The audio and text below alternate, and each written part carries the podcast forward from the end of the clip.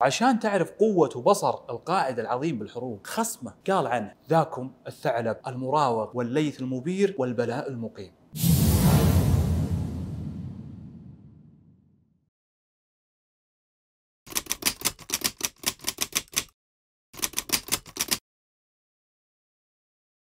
السلام عليكم ورحمة الله وبركاته. حياكم الله جميعا في ثاني حلقاتنا من برنامجكم برنامج عصور والمقدم من قناة تيليباثي نتكلم في ثاني حلقاتنا اليوم عن شخصية عظيمة من شخصيات الإسلامية. الشخصية اللي عاصرت أكثر من والي وكل والي يقدم الاحترام البالغ للشخصية هذه. شخصية يقال عنه ابن الحروب الرجل الكبير والعظيم المهلب بن أبي صفرة الأزدي. المهلب بن أبي صفرة ولد عام الفتح، كان والده أبو صفرة في جهة بلاد عمان. قبائل الأزد المستوطنة في عمان ومجاورها. المهلب بن أبي صفرة كان يعيش مع والده لكن القبائل هذه كانت مع غيرها ممن ارتد بعد وفاة النبي صلى الله عليه وسلم. فأرسل لهم أبو بكر الصديق الجيوش. قائد الجيش اللي توجه قبائل الأزد هو عكرمة بن أبي جهل فاستطاع أنه يردهم إلى الإسلام. فوفد أبو صفرة على أبو بكر الصديق وكان معه ولده وكان صغير سن حدث اللي هو البطل هذا المهلب. في روايات تقول إن أبو صفرة وفد على النبي صلى الله عليه وسلم. لكن أبو صفرة وفد على أبو بكر الصديق رضي الله عنه وكان معه ولده المهلب. بعدها تولى عمر بن الخطاب رضي الله عنه خلافة المسلمين. فدخل عليه أبو صفرة وكان معه أبنائه كلهم. من ضمنهم المهلب. عمر رضي الله عنه كان رجل في فراسة ويتفرس بالأشخاص. في يوم نظر للمهلب قال هذا سيد ولدك. وفعلا كان كما قال عمر رضي الله عنه. أبو صفرة وقبائل الأزد انتقلوا من عمان واستوطنوا البصرة. مرت الأيام حتى جاء عهد علي رضي الله عنه. قبيل عهد علي رضي الله عنه مثل ما نعرف صارت الفتن بين المسلمين من ضمنها معركة الجمل بين علي رضي الله عنه وجيش طلحة والزبير. أبو صفرة وجماعته وأبنائه كانوا معتزلين الحرب هذه لكن قبائل الأزد كانوا ضد علي رضي الله عنه. فلما انتهت المعركة بأحداثها وفد أبو صفرة على علي رضي الله عنه.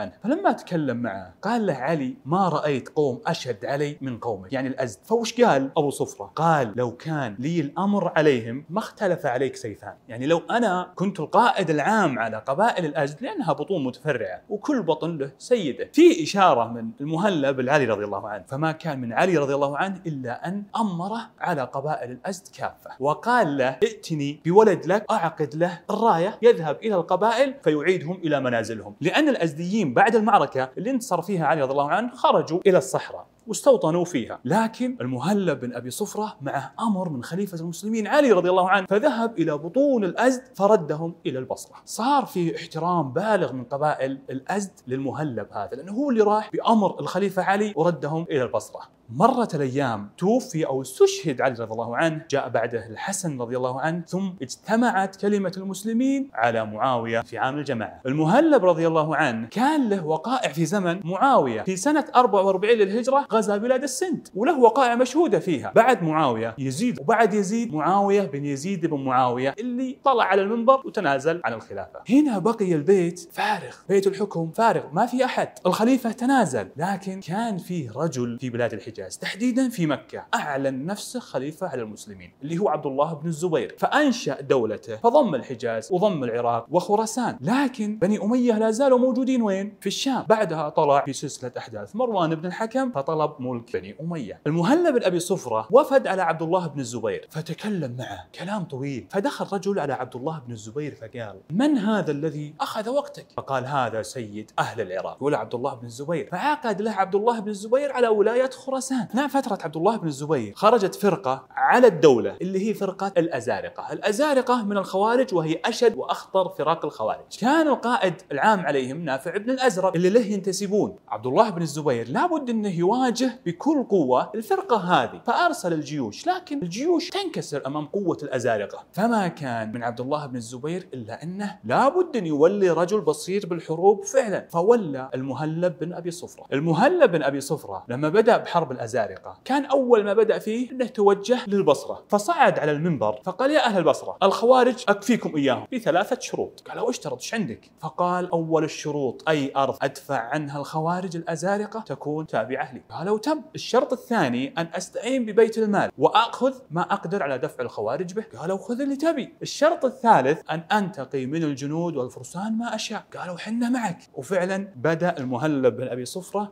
بقتال الأزارقة، فبدأ المهلب قتال الأزارقة، أول مواجهة كانت بينهم. كانت الأزارقة بقيادة نافع بن الأزرق، كانت المواجهة هذه في صالح المهلب بن أبي صفرة، أمير الكتائب القائد الفذ، قتل في هذه المعركة نافع بن الأزرق، هرب الأزارقة، لكن ما أسرع من انهم يجتمعون ويعينون قائد ثاني عليهم. ولوا عليهم عبيد الله بن مأمون. عبيد الله بن مأمون واصل مسيرة نافع بن الأزرق فدارت معركة ثانية مع المهلب بن أبي صفرة. انتصر فيها المهلب وقتل القائد هذا عبيد الله بن مأمون. سلسلة وقائع استمرت 19 سنة بين المهلب وبين فرقة الأزارقة. إلى أن تولى أمر الأزارقة قائد عظيم سطر التاريخ مجده قطري ابن الفجاءة اللي يقول أقول لها وقد طارت شعاعا من الأبطال ويحك لن تراعي.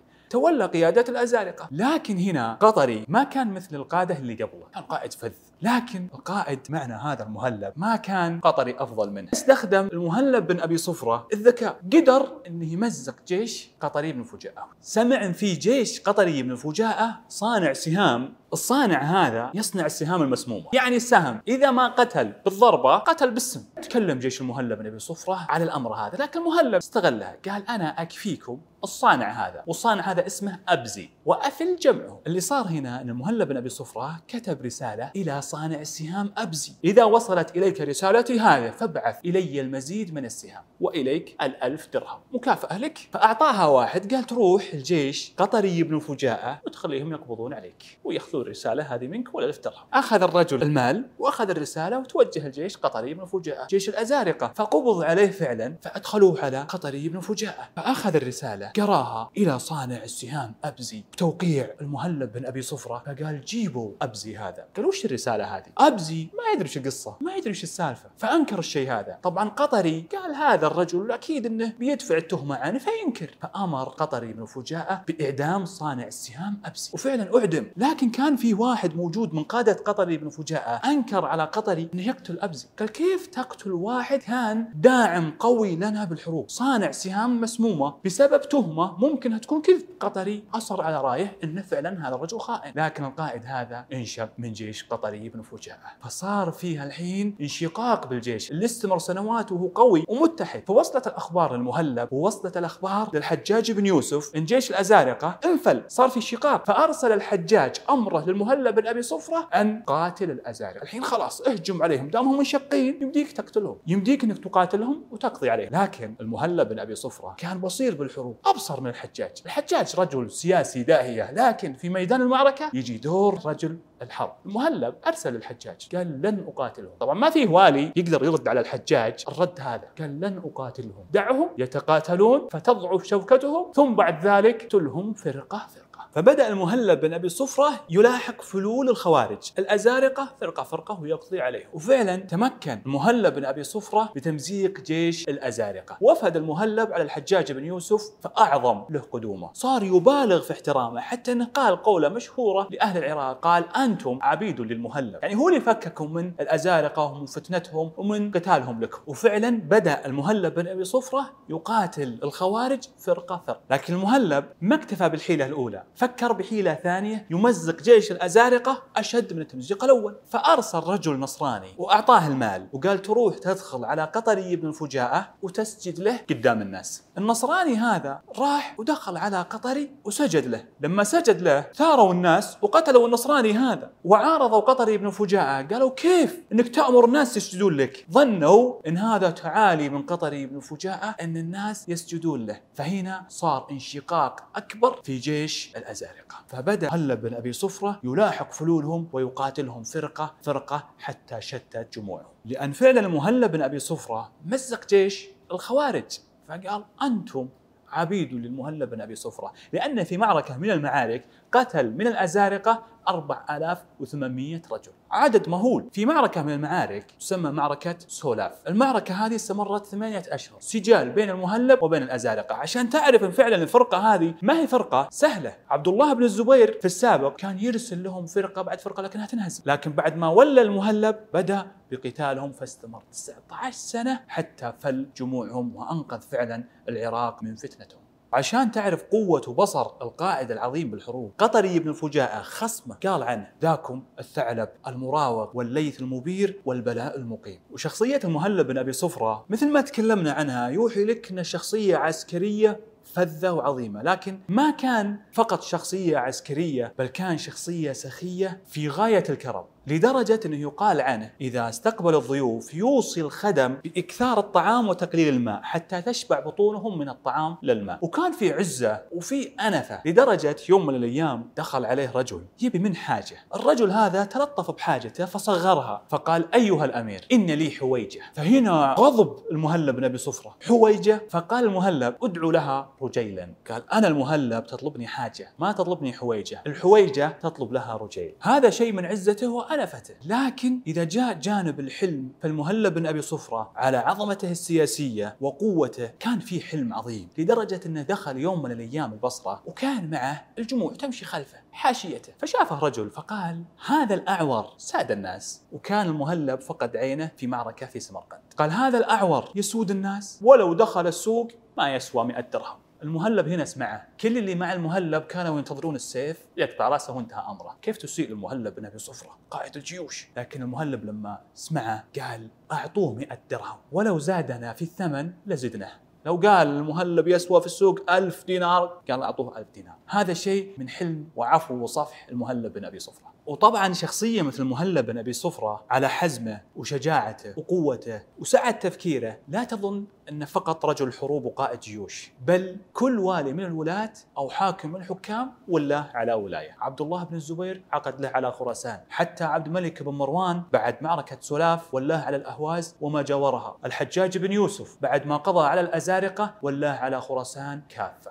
وفي سنة 82 للهجرة مرض المهلب بن أبي صفرة. فعقد بالولاية من بعده لولده الشهير القائد يزيد بن المهلب. فجمع أبنائه فأعطاهم مجموعة سهام فطلب منهم أنهم يكسرونها. ما قدروا. ففك السهام هذه وأعطى كل ولد سهم. قال اكسروه. فاكسروه. فقال أنتم كذلك إذا اتحدتم. ما يكسركم أحد. أما إذا افترقتم تكسرتم مثل هذه السهام. فمات القائد العظيم البطل المهلب بن أبي صفرة سنة 82 للهجرة. قال عنه أبو إسحاق ما رأيت اميرا قط. أفضل. ولا أسخى ولا أشجع من المهلب بن أبي صفرة، ولا أبعد مما يكره، ولا أقرب مما يحب منه، كان رجل يحب الصفات الحميدة، الأشياء اللي يكرهها الناس يبعد عنها، الأشياء اللي يحبها الناس وتحبها النفس تجده أقرب ما يكون منها، فمات هذا الرجل العظيم بعد سنوات من قتال الأزارقة، وبعد سنوات في الجد وبعد سنوات في الجهاد وفي قمار الحروب. وختاما نكون وصلنا معكم إلى نهاية حلقتنا لهذا اليوم في برنامجكم برنامج عصور والمقدم من قناة تيليباثي ولمشاهدة الحلقات القادمة أدعوكم إلى الاشتراك في القناة. أشكركم أنا على استماعكم وأستودعكم الله وفي أمان الله.